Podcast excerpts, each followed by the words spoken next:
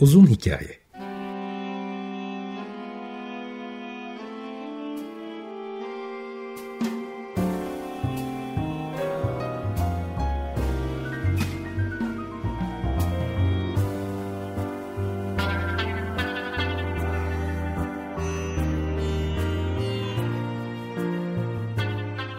Hazırlayan ve sunan Muzaffer Çorlu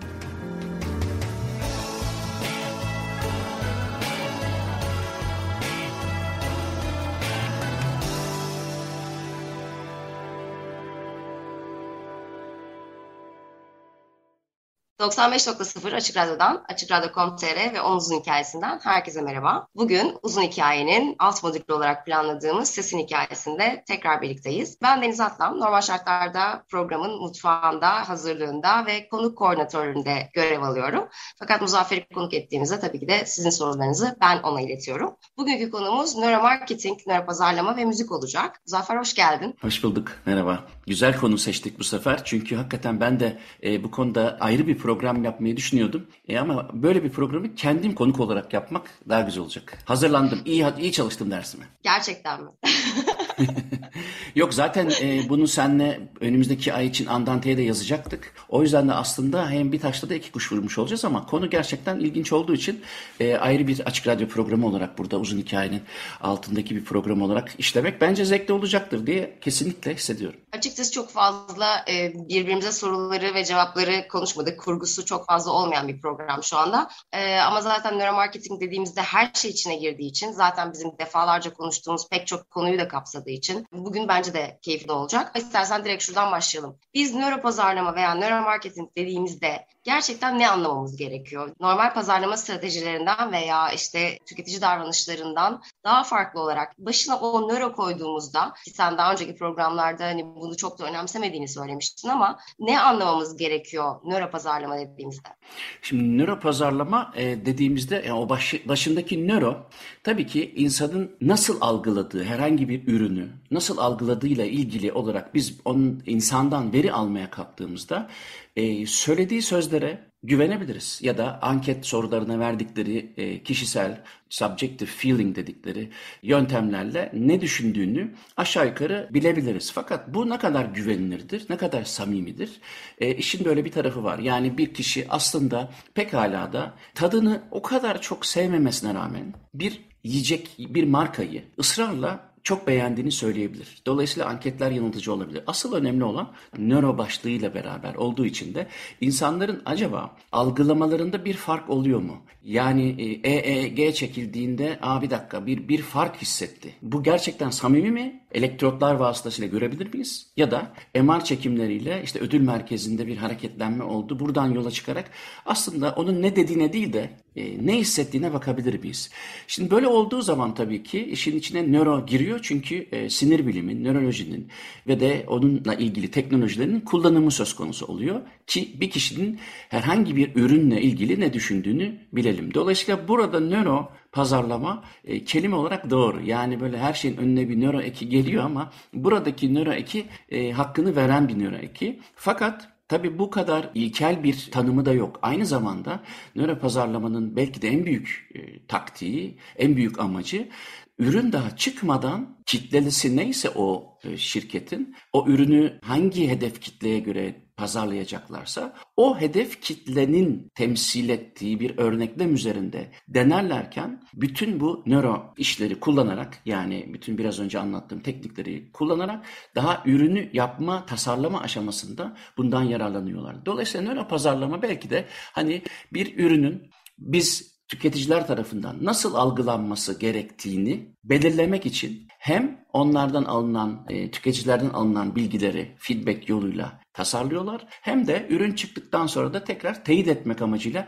bir dakika sen buna böyle diyorsun beğendin ya da beğenmedin diyorsun ama acaba gerçekten de sonuç böyle mi? E, testlerini biraz daha bizim sinir bilimi ya da işte e, neuroscience'da kullandığımız yöntemlerle yaptıkları için e, nöro pazarlamaya bu at veriliyor haliyle.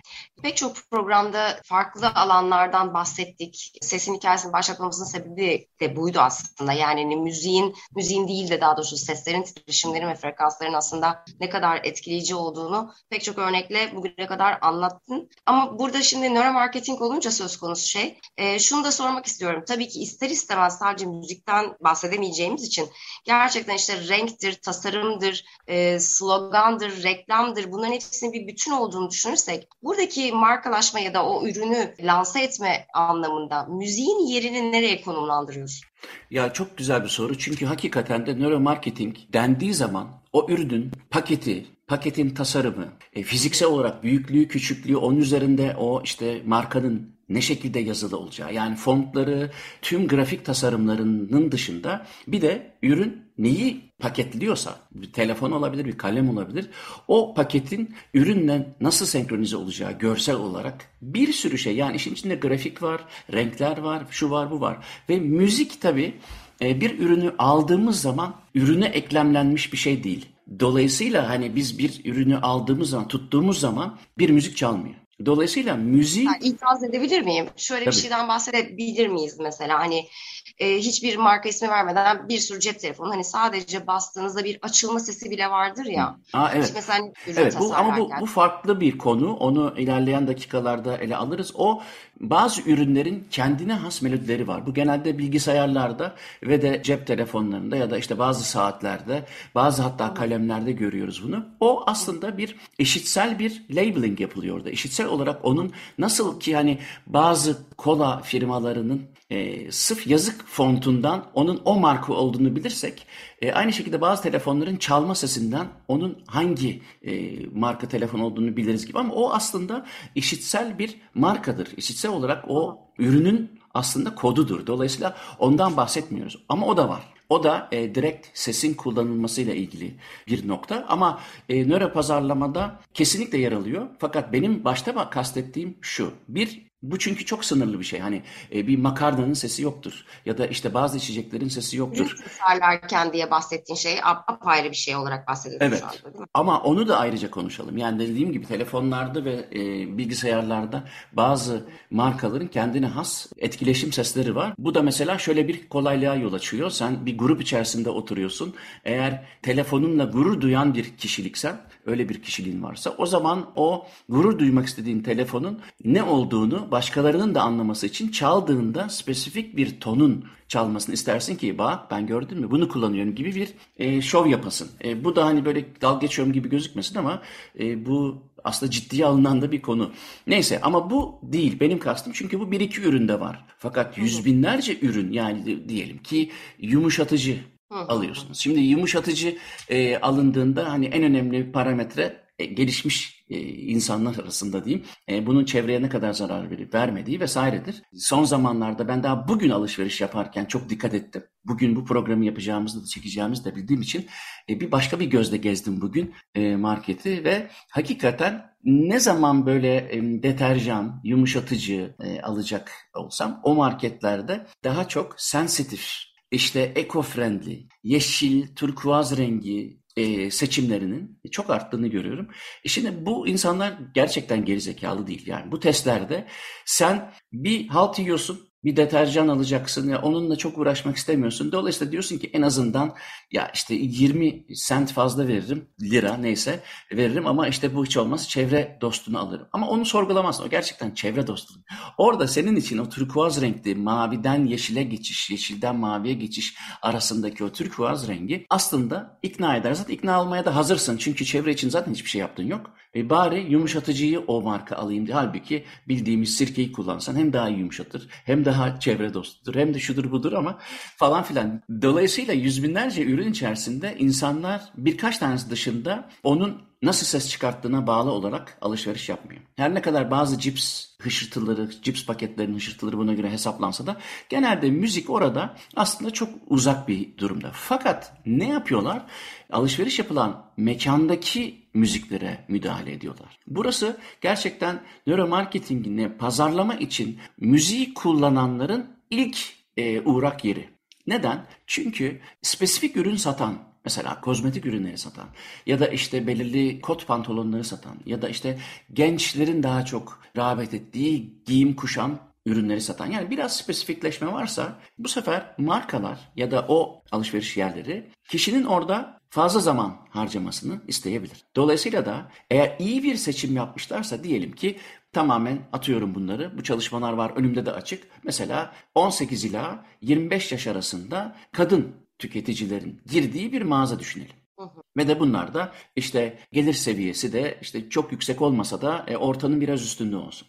Ve de bu insanlar da büyük şehirde oturuyor olsun. Şimdi bu parametreleri topladıktan sonra bu kişilerin ki buna işte familiarity e, efekt deniyor yani benzerlik efekti. Bu kişilerin muhtemelen sevdiği müzikler tespit ediliyor. Nasıl tespit ediliyor? İşte örneklem bulunuyor. Bunları temsil, en iyi temsil edildiğine inandıkları 300-500 kişilik gruplarla e, birebir soru sorma yöntemiyle de yapıyorlar. Bazıları hatta ileri gidip e, EEG'lerle de ölçüp gerçekten de o müziği sevip sevmedikleri e, belirleniyor. Özellikle o yaş kişiler üzerinde bir idol müzisyen varsa e, o idol müzisyenin e, en çok sevdikleri parçalar vesaire mağazada belirli şekilde yavaşlatılarak çalınarak satın alma davranışlarını etkileyecek, karar verme mekanizmalarını etkileyecek bir takım uygulamalar yapılıyor. İşte bu aslında nöro pazarlamada çevresel psikolojik faktörlerin etkisini 1970'ten sonra görmeye başladık. Hatta shelf management diye bir yani rafları nasıl düzenleriz de işte bazı ürünler buna göre avantajlı duruma gelir gibi. Ne bileyim Türkiye'de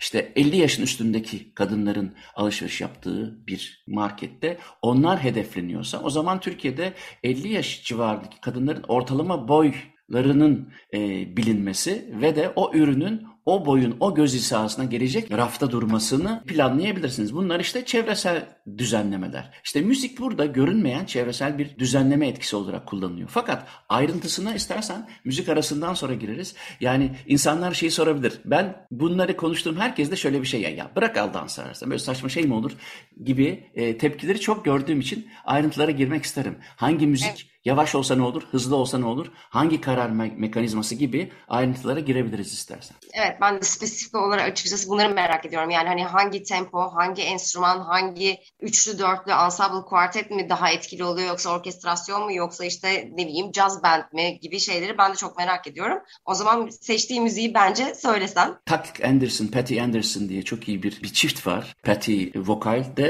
e, Tuck Anderson da gitarda. Ben onları yıllar önce tesadüfen gördüğümde çok beğenmiştim ama meğersem Tuck Anderson sonra Patty ile beraber İstanbul'a geldiler. Darüşşafaka'da seyretmiştim. 90'ların başındaydı yanılmıyorsam. Sonra burada da izledim. Çok beğendiğim bir e, ikili. Şu anda ne yapıyorlar bilmiyorum ama onlardan 90'larda çıkarttıkları bir albümde vardı. Orada Tuck Anderson tek başına solo e, Edit çalıyor. Çok hoş bir caz gitar e, solosu diyebilirim. Kendi düzenlemesi ki Tuck Henderson'ın e, çok güzel bir stil de var. Onunla ilk müzik arasını verelim istedim. Peki bunu nöromarketingle birleştirebilecek miyiz yoksa tamamen senin keyfin için mi çalıyoruz? Benim, benim, benim güzel keyfim için çalıyoruz tamam. ama nöromarketingle ilgili şöyle. Mesela Tuck and Patty'yi bazı marketlerde çalındığını çok duydum. Ben onları iki kere konserde seyrettim ama belki 20 kere piyasada çalındığını gördüm. Kesin bir tamam. ilişkisi vardı diye baktım bulamadım. Belki de tesadüf. o zaman dinleyelim. dinleyelim. Tuck Anderson'dan Up and Edit dinledik. Şimdi esas merak ettiğim konuyu sormak istiyorum. Ee, bir müzik seçiminde gerçekten tüketici davranışlarını etkileyen şey, tabii müziğin bir sürü bileşeni olduğunu düşünürsek, sadece tempo olmasa gerek diye düşünüyorum. Dolayısıyla tempo, janr vesaire gibi şeylerde, çalışmalarda daha çok etkili olan bileşenler nedir müzikte? Birçok parametre bu konuda çok önemli. Ama insanların e, kafasını karıştırmak istemiyorum. Çünkü yeni yeni yapılan deneylerden ben de henüz tam olarak tatmin olmuş değilim. Hatta bana da bir makale geldi. Bakacağım ama bilimsel metodolojik açıdan e, normal şartlar altında parametreleri eşitlemek zor olduğu için işte burada direkt nöromarketingi etkileyecek parametrelerden şu ana kadar yapılmış ve de sabitlenmiş olanları anlatayım. Elbette ki hangi enstrüman seçilirse, hangi ensemble çeşidi seçilirse etkiler mi? Etkileyebilir. Ama bunlar e, net bir şekilde gösterilmiş değil. Dolayısıyla onu belki son bölümde hani e, bunun bu işin geleceği kısmında belki konuşabiliriz ama yapılmış olan çalışmalar çalışmalar var. Özellikle 1970'lerden bu yana nöromarketing meselesini aslında gizliden gizliye çalıştıklarını biliyoruz. Neden gizliden gizliye diyorum? Çünkü satın alma davranışını nasıl etkileriz? Hangi şeyler önemlidir? Gibi hatta öyle MR, e, MR yani Maltane e, ve Russell olsa gerek. iki araştırmacının yaptığı çalışmalar var ki bir endeks oluşturuyorlar. Yani bir alışveriş merkezinde olabiliriz, bir dükkanın içinde olabiliriz. Acaba bir işitsel organizasyon olan müziği kullanarak o kişinin orada geçireceği vakti uzatabilir miyiz? Ya da onu ürünü alması için pozitif etkileyebilir miyiz? Şimdi gözüken şöyle bir şey var. Yapılan çalışmalar 2008 yılında da tekrarlandı ve aynı sonuçlar çıktığı için net söylüyorum. İnsanlarda eğer yürüme hızından ki yürüme hızını ortalama işte 80 civarı düşünürsek 80 dediğim yani beat per minute metronomla yani bir dakikaya sığdırılan eşit aralıklarla bölünmüş tık sayısı diyelim kabaca. E, o 80'in altında olduğu zaman insanların yürüyüşünde bir yavaşlama ve de eğer bunu da destekleyen bir e, müzik türü varsa yani insanlarda beğendikleri sakin bir müzik dinliyorlarsa Burada önemli olan şey insanların beğeniyor olması tekrar. Onun için zaten bir sürü örneklemle çalışma yapıyorlar. Beğendikleri sakin bir müzik dinlediklerinde bir defa biliyoruz ki ödül merkezinde bir hareketlenme oluyor. Yani dükkan içinde gezen kişi mutlu, kendi iyi hissediyor, pozitif duyguları var. Bununla beraber yürüme hızı da müzikle beraber düştüğü için biraz daha fazla bakma, ürünün özelliklerini anlama, acelesi yokmuş gibi davranma gibi sonuçlar ortaya çıkıyor. Şimdi bu her zaman için pozitif anlama gelir mi? Çünkü aslında satın alma davranışında en önemli saniyeler ilk saniyeler. Ürünü tekrar tekrar düşünmeye başladığında kişi ya acaba almasam mı ya da gidiyor. Dolayısıyla onun dengesini kurmak da çok zor. Dolayısıyla bir daha düşünsem mi acaba ya da gitmemesi gerekiyor. O yüzden de bir arbitrer 72 metronom diye bir şey uydurmuşlar. E, dolayısıyla mi? da evet evet 72 metronomda pozitif duygular içerisinde olan bir şey. Eğer doğru örneklemi de yani hem müzik seçimi hem mağazanın iç dizaynını da doğru ayarladılarsa o kişi de e, satın alma davranışı yüzde 40 oranında artmış. Yani bunu farklı farklı şirketler farklı farklı araştırma deneylerinde görmüşler ki evet yaklaşık bir yüzde 40'lık bir fark oluyor satışta. E şimdi bu önemli bir fark yani yüzde 40 demek yani bilmiyorum ama muhtemelen şirketlerin ellerini avuşturacakları bir farktan bahsettiğimize inanıyorum. Dolayısıyla temponun önemli bir parametre olduğunu bu noktada söyleyebiliriz. Ee, bununla ilgili yapılan çalışmalar var. Music in Neuromarketing dediklerinde ulaşacakları çok open source araştırmalar var. Burada 80 metronom, 120 metronom ve 170 metronomda e, insanların mağazada geçirdikleri süreler hesaplanıyor. Yani 80 metronom işte yürüme hızına yakın, biraz işte dediğim gibi 72'ye çekiyorlar onu yavaş. 120 işte genelde insanların bir yerden bir yere bir tık hızlı gittiği, 170 ise acele ettiği.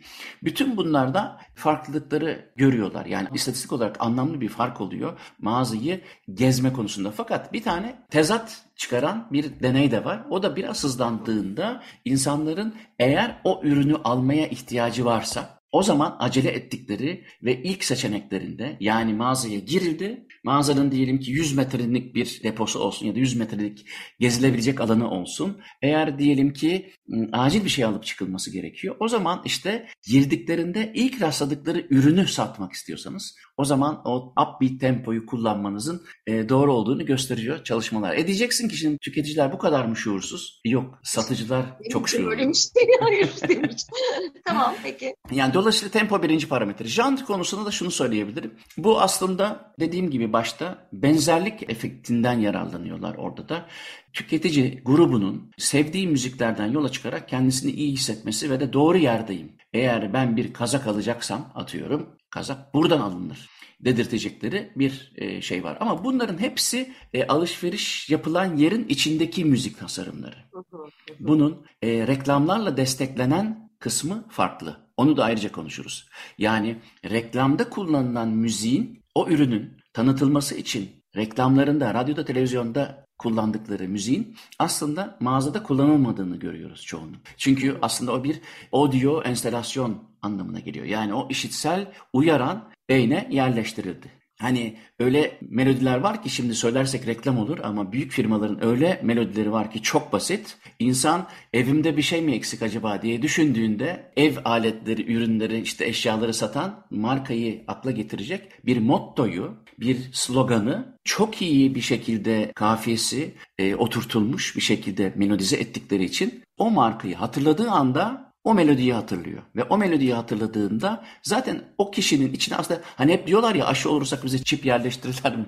Çip yerleştiriyorlar aslında müzikle. Çünkü o ürünle asosiye edilen o melodiyi hiç beklenmedik bir yerde arabada giderken fonda tekrarladığında yani e, örneğin evde radyo çalıyor diyelim ki radyodaki reklamlarda eğer evde buzdolabında ulaşılabilir bir yerde bir soğuk içecek varsa mesela o sıf diye açılma sesinden o çipi harekete geçiriyorlar ve de %8 oranında insanlar evde o içeceği hatırladığı için gidip buzdolabını açıyor ve buzdolabındaki depoyu tüketip yerine tekrar almak üzere mağazaya doğru yola çıkıyor. Yani e, alan razı, e, veren razı bilmiyorum. Ben şöyle bir şey daha merak ediyorum. Mesela bu bahsettiğin şeyi anlayabiliyorum. Yani ben bir yere girdiğimde e, tabii ki de o markanın bana yakın müzikleri çalıyor olması. Zaten tasarımlarını da beğeniyorum hazır. Atıyorum bu bir mesela e, tekstil markası olsun. Dolayısıyla da aynı kafada olduğumuzu düşündüğüm için benimle aynı kafada olduğunu düşündüğüm insanların da zaten onu giydiğini düşündüğüm için vesaire gibi uzayıp gidecek bir zincir bu. Peki hani şöyle bir takım bilimsel araştırmalar var mı gerçekten? X bir enstrümanın ya da gerçekten gerçekten frekansın ya sadece satın alma dürtüsü de demeyelim de bunlara dair özellikle böyle spesifik yapılmış pazarlama alanında çalışmalar var mı? Var onu aslında sen de nöro degüstasyon konusunda, e, nörogastronomi konusunda konuşmuştuk. Yani kahve makinesi alırken aşağı yukarı tasarımların aynı olduğunu bildiğimiz e, kahve makinelerinde öğütme sesinin pesleştikçe kahvenin lezzetine ilişkin pozitif duygular urandırmasından ötürü e, ürünü satanlar eğer A değil de B'yi satmayı istiyorlarsa gerçekten onun sesini denetebilirler. Denetiyorlar da zaten ki böyle bir çalışma da var.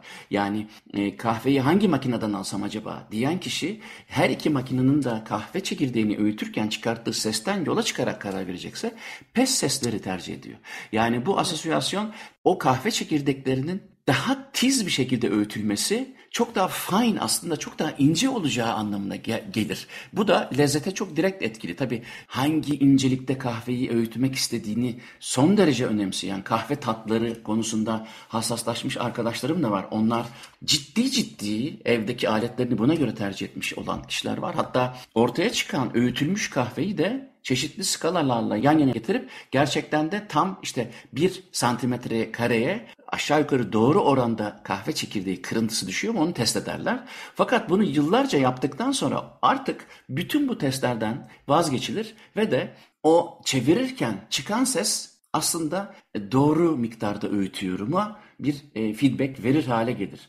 Ama her neyse işin uzmanı olmayanlarda bile o pes ses kahve çekirdeğinin değirmenlenirken yani öğütülürken çıkarttığı pes ses bir pozitif e, kanotasyona sahip. O yüzden de bir enstrüman mı diyemeyelim ona ama e, evet bir o frekans işe yarıyor. Fakat eğer reklamlarda kullanıldıysa örneğin bir kot markası Amerika'nın işte kovboylarını çağrıştıracak bir reklam filmi yaptıysa ki yapıyor ve de bunun arkasında da o kovboyun işte daha çok böyle hani güneyde Texas, Kentucky gibi böyle güneydeki çiftliklerde gerçek bir kovboyu anımsatmak gibi bir derdi varsa ve de orada kullanılacak biraz Irish kökenli, biraz İrlanda halk müziği soslu eğer Amerikan folk müziğini ve dolayısıyla da onu en çok çağrıştıracak olan gitarı kullanırsa o zaman aslında resmi tamamlamış oluyor. Dolayısıyla da o kod markası kendi mağazalarında birebir o müziği çalmasa bile o janrdaki müziği ve o enstrümanı seçerek o kanotasyonu canlı tutmaya yani müşteride evet doğru yerdesin hadi alacaksın sana bir şey olmaz gibi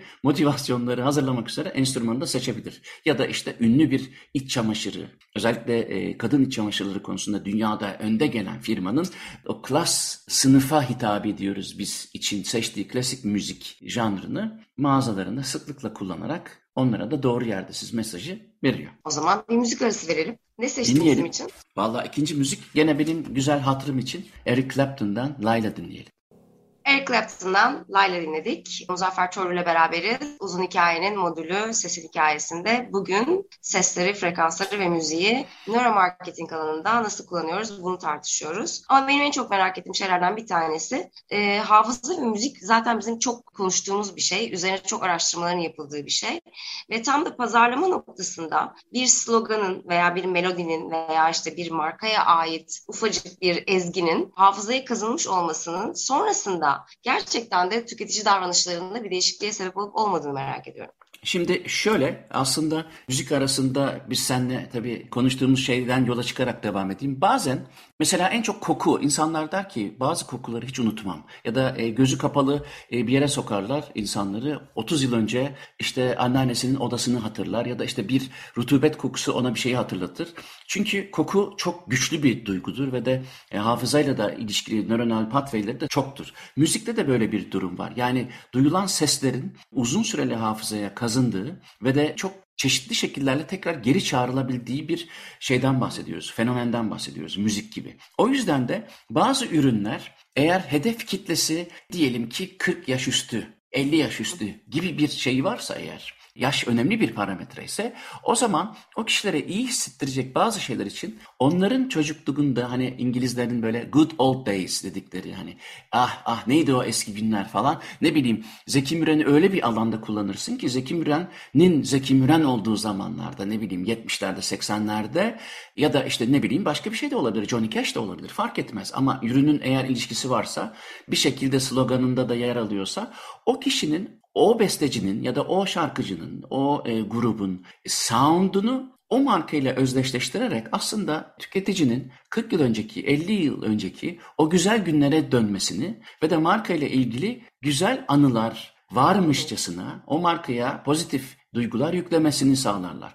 Burada tekrar tekrar şunu söylemek isterim. Ya öyle şey olur mu diyenleriniz olabilir ama sizi temin ederim bir nöromüzikolog olarak da. E, bu çalışmaları okuyorum ve de bu deneylerde de bulunuyorum. İnsanın inanası gelmiyor ama gerçekten de pozitif kanotasyonlar, çağrışımlar müzikle yapılabiliyor ve bunu da gerçekten tam tersini söylemiş olanlarda da dahil olmak üzere e, hem EEG'lerle hem Event Related Potentials ERP'lerle hem fMRI'lerle gösterebiliyoruz ve gösterdiklerini görüyorum. Size şimdi ürün adı vermeden ama herkesin kesinlikle adını vermesen bile bileceği iki markadan bahsedeceğim. Markaların ismini vermeden. Bunlar iki önemli işte şu siyah şekerli kola içeceği olsun. Herkes aşağı yukarı ben X'i diğeri de Y'yi tercih ederim der. Hatta çoğu kişi şeyi iddia eder der ki ben X ile Y'nin tadını gözüm kapalı ayırt ederim. Ama yapılan testler hiç de öyle olmadığını ortaya koydu. Dolayısıyla buradaki marketing başarısı öyle sıradan bir marketing başarısı değil. Yani o ürünler ile ilgili olarak uzmanlar tadın nasıl algılanacağı ile ilgili tasarımlar yapıyorlar. İçin içinde müzik de var, renkler de var, e, markanın nasıl yazılacağı var. O markada hangi müzisyenlerin reklam filmde oynayacağına da karar veriyorlar. Dolayısıyla eğer tuttuysa yani hedeflenen kitle eğer imaj açısından yapılan çalışmada ikna olduysa bir başka deyişle pozitif bir e, algılama oluşturulduysa ki dediğim gibi bunu biraz önce anlattığım yöntemlerle ölçüyorlar. O zaman kişinin o tada ilişkin ön yargısı oluşturuluyor. Hatta e, yapılan bir testte şöyle bir şey ortaya çıkıyor. X marka kolayı daha çok sevenlerin ki %80 X marka tercih ediliyor. Fakat yapılan testte Y marka %20 seçilen Y markanın %60 deneklerde ödül merkezinin hareketlendiğini diğerlerine göre görüyorlar. Yani bu ne demektir? Ya aslında sen Y'yi seviyorsun belli ki. Tad olarak onu beğenmişsin. O tat sende ya bu değişik bir şey diye uyandırmış. Yani bunu e, parmak uçlarına takılan galvanik deri refleksi işte Freiburg Acuity testlerle ya da işte EEG'lerle, fMRI ortaya çıkarttıktan sonra insanların da sonucu gördüklerinde şaşırdıklarını e, bizzat biliyoruz. Dolayısıyla e, hafıza kişinin hem geçmiş yaşantısında pozitif şeyleri tekrar hatırlatan bir öğe olarak müziği kullandırabilir. Ama aynı zamanda da pozitif kanotasyonu insanların hafızasına yerleştirdiyse ürün artık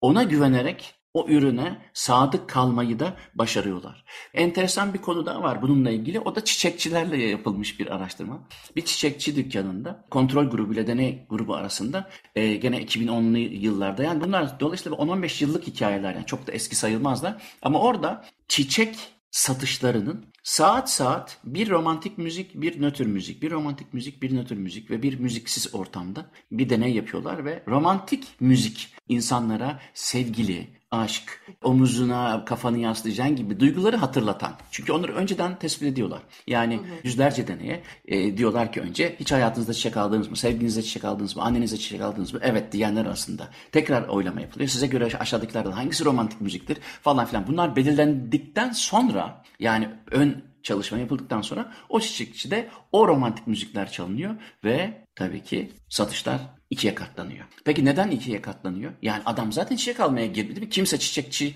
kolay kolay çiçek almaya gidip çıkmaz çiçek almadan. E, dolayısıyla eğer o şey hatırlatılıyorsa, müzik de hatırlatılıyor. İşte o hafıza e, mekanizmaları devreye giriyor ve de bir tane alacağını iki tane alıyor. Bir buket yaptırıyor, bir bir şeyler yaptırıyor vesaire vesaire. Dolayısıyla etkisi var. Burada aslında şey, şeyi söylüyoruz değil mi? Yani o sırada çalınan müzik aslında benim geçmişimle alakalı bir takım daha pozitif duyguları da bana getirdiği için belki daha da iyi hissetmeme ve hani o duygu daha yüksek yaşamak için e, bir motivasyon sebebi oluyor gibi algıladım ben söylediklerinden. Öyle evet mi? doğru doğru. Ama tabii aslında baştan beri anlattığım şeyler böyle bilimsel gerçekler ve nanomarketing ve müzik ilişkisi gibi duruyor ama burada ahlaki boyutu çok zayıf olan tarafı da var bu işlerin. Yani e, insanların son zamanlarda satın almaya niye bu kadar eğilimli olduğunu tamamen ihmal eden, hı hı. sadece madem ki satın almaya bu kadar e, meraklı insanlar var, o zaman bunların parasını nasıl alırıza daha çok kanalize olmuş bir sistemden bahsettiğimi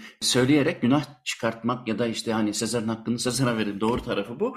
Bence müziğin aynı zamanda markanın ta kendisi olma yolunda e, kullanıldığına da hani bir köprü atmış olayım. Şunu kastediyorum. Mesela istersen hani Smoke on the Water dinleyelim Deep Purple'dan. Herkes zaten girer girmez ha ben bu melodiyi biliyorum diyecektir. Çünkü eğer bir melodi ve ritmik yapısı itibariyle akılda kalırlılığı varsa, hemen akılda kalıyorsa bu bir defa beyinde kesinlikle ödül merkezinin hareketi anlamına geliyor. Çünkü eğer bir duyuşta a hoşuma gittiyse bu onun tekrarında ikinci kez dinliyorum. Yani aslında beğendiğim bir şeyin tekrarı oluyor gibi düşündüğü için bir ödül merkezi e, faaliyetinden söz ediyoruz. Dolayısıyla da o ürünler, bazı ürünler o e, sloganist melodileri kullanıyor. Zaten o bütün rock riffleri, caz rifflerindeki amaç da biraz da akılda kalıcı melodik ve ritmik konfigürasyonları kullanmak. Bir kere akılda kaldıktan sonra zaten statlarda, protestolarda, şurada burada topyekün bir şey söylemeye kalktığımızda onları kullanırız zaten ve hemen hepimiz de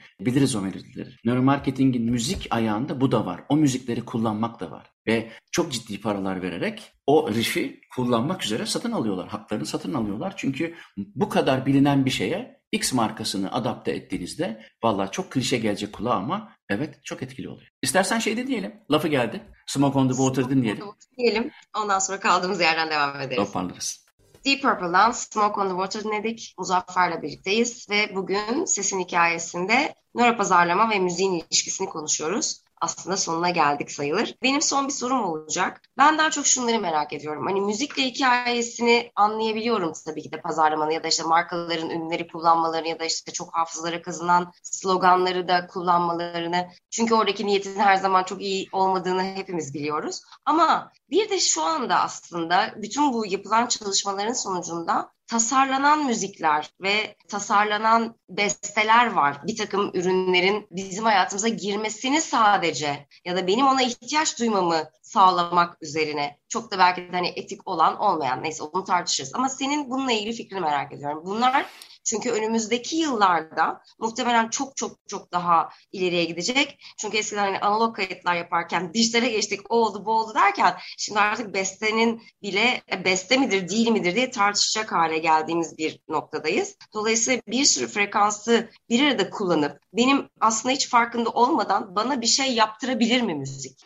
Yaptırır. Mesela yeni bir çalışmadan örnek vereyim. Biz aslında nöro gastronomi konusunda müziği konuşmuştuk. Yani yemekler, e, tatlarla müzik ilişkisinde. Fakat yemekler ve tatlara girmeden yemek yeme davranışında örneğin yapılan bir çalışmada gene yakın yap zamanda yapılan bir çalışmada yemek yeme hızını 3'te 2 oranında yavaşlatabiliyor eğer e, bilinen müzik 96 metronom çalınan bir müziği gene 70'ler seviyesine indiğinde normalde 45 dakikadan 56 dakikaya çıkıyor bir kişinin işte masada geçirdiği zaman. Şimdi 45 dakikadan 56 dakikaya yani 11 dakika daha uzuyor ortalama masada oturduğu süre. Bu çok çok önemli. Neden? Çünkü ilk grup yani 45 dakika civarında oturanla 56 dakika oturan arasında yediği yemek arasında bir fark yok. Ama diğerinde 3 adet fazla içecek ısmarlama durumu var. E şimdi bu tabii ki önemli bir şey. Yani dolayısıyla sesi kullanan sadece sesin temposunu değiştirerek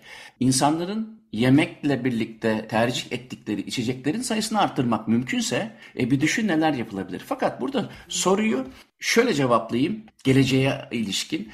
Burada bilinen müziklerin yavaşlatılması gibi bir durum söz konusuydu. Fakat bence giderek daha fazla task spesifik buna ilişkin besteler için çalışılacak. Çünkü bu konuda artık hem neuroscience ve müzikoloji bir araya çok geliyor. Hem e, işte bu pazarlama teknikleriyle psikolojik anket teknikleri bir araya geliyor. O kadar interdisipliner bir çalışma oldu ki artık biz herhangi bir bestenin siparişini verebiliyoruz. Yani ben şimdi güzel bir oratoryo istiyorum, senfoni istiyorum değil, bir milli marş istiyorum değil. Hayır, bu cipsi diğerinden daha iyi hissettirecek bir müzik istiyorum, ses istiyorum. Fakat e, ben bunu marka olarak şöyle gireceğim. Bunda daha az tuz var, daha az yağ var ve ben çevresel e, bütün faktörleri de düşündüm, taşındım. E, çevreye daha az zararlı bir chips ürettim. Bu insanda hemen akla şunu getiriyor. Hmm, o zaman acaba daha mı az lezzetli bu? Çünkü yani bu kadar şey olduğuna göre yani az tuzluya insanlar aslında biraz reaksiyon gösteriyor. Diyor ki bu o zaman güzel değildir. Çünkü yanında neyle içiyorsa onun o tuzlu oluşu. E, fakat sen diyebilirsin ki yo öyle hissetmeyeceksin. Gayet de tuzunun eksikliğini hiç hissetmeyeceksin. Çünkü ben onun ses tasarımını değiştirdim. Dolayısıyla bence eğer e, başarabilirlerse ve bu konuda benden yardım istediği de bir şirket. Şimdilik çok gayet cool duruyorum bu işe ama e, gerçekten de o sesin spesifik olarak tasarlanacağını söyleyeyim.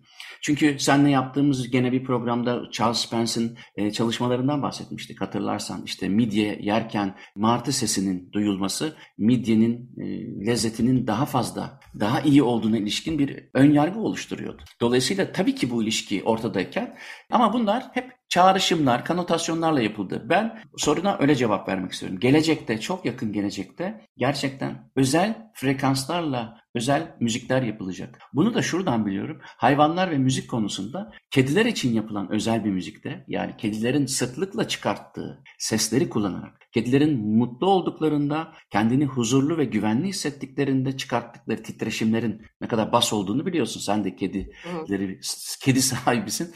Onların o çıkarttıkları seslerden yola çıkarak ya da işte birbirlerini tanımak için hani o kısa miyavlar vardır, tiz miyavlar vardır. O repertuarı aşağı yukarı bilen bir kedi sahibi bestecinin yaptığı besteler şimdiye kadar ne dinletirlerse dinletilsin hiçbir şekilde hiçbir kedinin dikkatini çekmezken o bütün kedileri o kolonun yanına toplamıştı. Neden? Çünkü adam şunu dedi. Kedilerin çıkarttığı sesler birbirleriyle iletişim kurarlarken kullandıkları sesler. Dolayısıyla ben de onları kullanayım dedi. O yüzden de ben şimdi artık task spesifik olacağını düşünüyorum.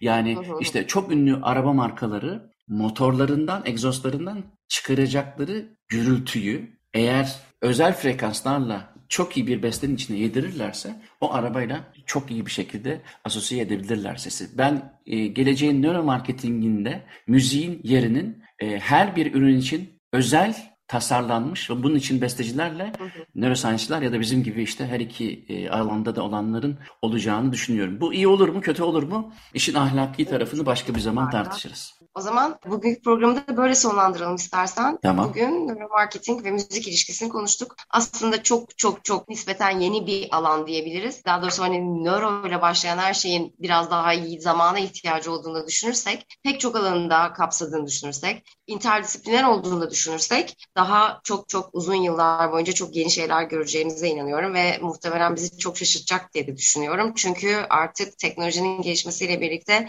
açıkçası ben başımıza geleceklerden biraz daha korkar oldum. Naif eski bir müzisyen olarak, tek enstrümanını bilen bir müzisyen olarak şu anda hani bunları tasavvur bile edemiyorum kafamda. Ve uzun hikayenin alt modülü sesin hikayesinde bugün pazarlama ve müzik ilişkisini konuştuk. Tekrar katıldığın için çok teşekkür ediyorum Muzaffer. Umarım senin için de keyifli bir program olmuştur. Sen moderatör olunca benim için süper oluyor. O yüzden ben teşekkür ederim.